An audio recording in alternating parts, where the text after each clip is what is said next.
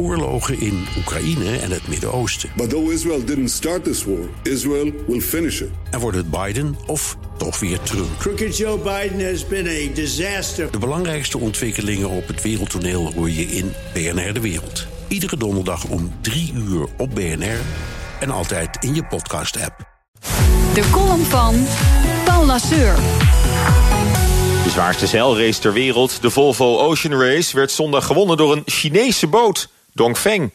Het Nederlandse team Brunel met schipper Bouwebekking greep net naast de overwinning. Toch had de finale in alle opzichten een oranje tintje. Met twee Hollandse schepen, de finish in Scheveningen... en als kers op de taart een Nederlands bemanningslid op het winnende schip, Carolijn Brouwer. We konden dan ook bijna niet verliezen. Carolijn of Bouwen, Brunel of Axo... Het moest wel heel raar lopen als niet op zijn minst een paar landgenoten in Den Haag op het erepodium zouden staan. Hup Holland!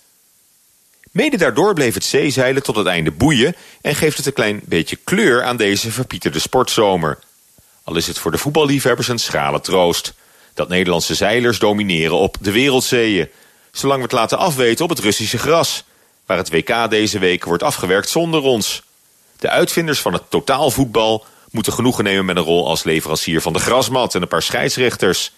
En dat is iets waar 17 miljoen bondscoaches maar moeilijk aan kunnen wennen. Helemaal zielig is het bij de NOS. Op oorlogsterkte zitten de commentatoren elke middag en avond in de studio. Ze doen er alles aan om het WK in de Nederlandse huiskamers een beetje tot leven te wekken. Maar het is trekken aan een dood paard. Helemaal niet zelfs de Marokkaanse Nederlanders eruit liggen. Wat een sneuwe vertoning. We zouden een voorbeeld moeten nemen aan China. Daar wordt in alle rust gewerkt aan een totale machtsovername in de sportwereld. Zeezeilen, niet direct een volksport, is nog maar een voorproefje. President Xi Jinping is meer een voetbalfan, met een heldere strategie. Eerst moet China zich maar eens kwalificeren voor deelname aan een WK.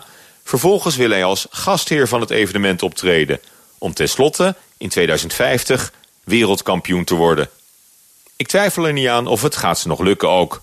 Want met geld, ambitie, realiteitszin en een lange adem... kom je veel verder dan met dat arrogante gemekker van verwende Oranje-fans... die maar blijven denken dat de wereldtitel ons feitelijk toekomt.